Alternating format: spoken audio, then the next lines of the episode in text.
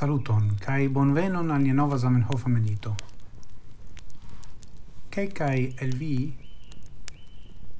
diris al mi che ili preferas la malnovan, ne diru, aranjon de la meditoi, do mi decidis eh, uh, hodiau contentigi vin per montrado de mia visagio kai de mia legado. Do mi legos recte ella la originala vercaro kiel ciam cae ci foie mi electas malfacilan texton. Temas pri la lettero al Kaufmann, pri la lingua del hillistoi, cae mi legos la comenzon je pagio 312. Cara signoro, ne fininte ancora la legadon de mia brosciuro, vi esprimis al mi vian gioion per tio, che mi elegetis la demandon de lingvo.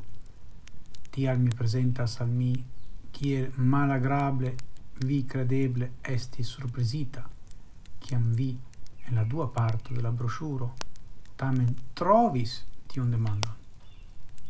Post multa chancelligiado mi tamen entreprenis la demandon de la lingvo, char mi convincigis che hilelismo sen la lingvo neniel povus existi.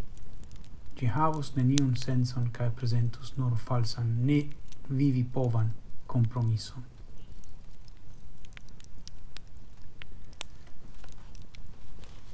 Do, ĉi tiu el tiro, eĉ se vi sias nenion pri hilelismo, montras al vi clare, montras al ni clare, che Esperanto es nur la dua parto de pli granda ideo, kiu estas facte rilata alla interna ideo de Esperanto. Do, mi vola substrechi factum. Citiu letero estis privata. Do, gi publicigis nur en uh, 1929, kiam aperis la originala vercaro do post la forpaso de Zamenhof, kai citiu letero multe influis uh, quelcain uh, esperanti ideologoin, sed ver dire se iu decidas verki private, la autoritarezzo della texto ne egalas al publica texto. No, ni devas ankaŭ konsideri tion, kaj ankaŭ la dato.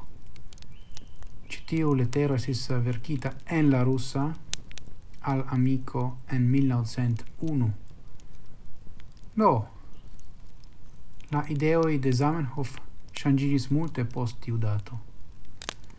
Do, kelkfoje ni devas respekti la contexton por eh, ne ni diru meti en la bushon de aliulo opinion kiun ri eble ne plu volas subteni. Do. Ien mia medito hodio. Coran dankon. Do, Dankon pro la atento. Gis morgau, cae kiel ciam, antauen, sen fine.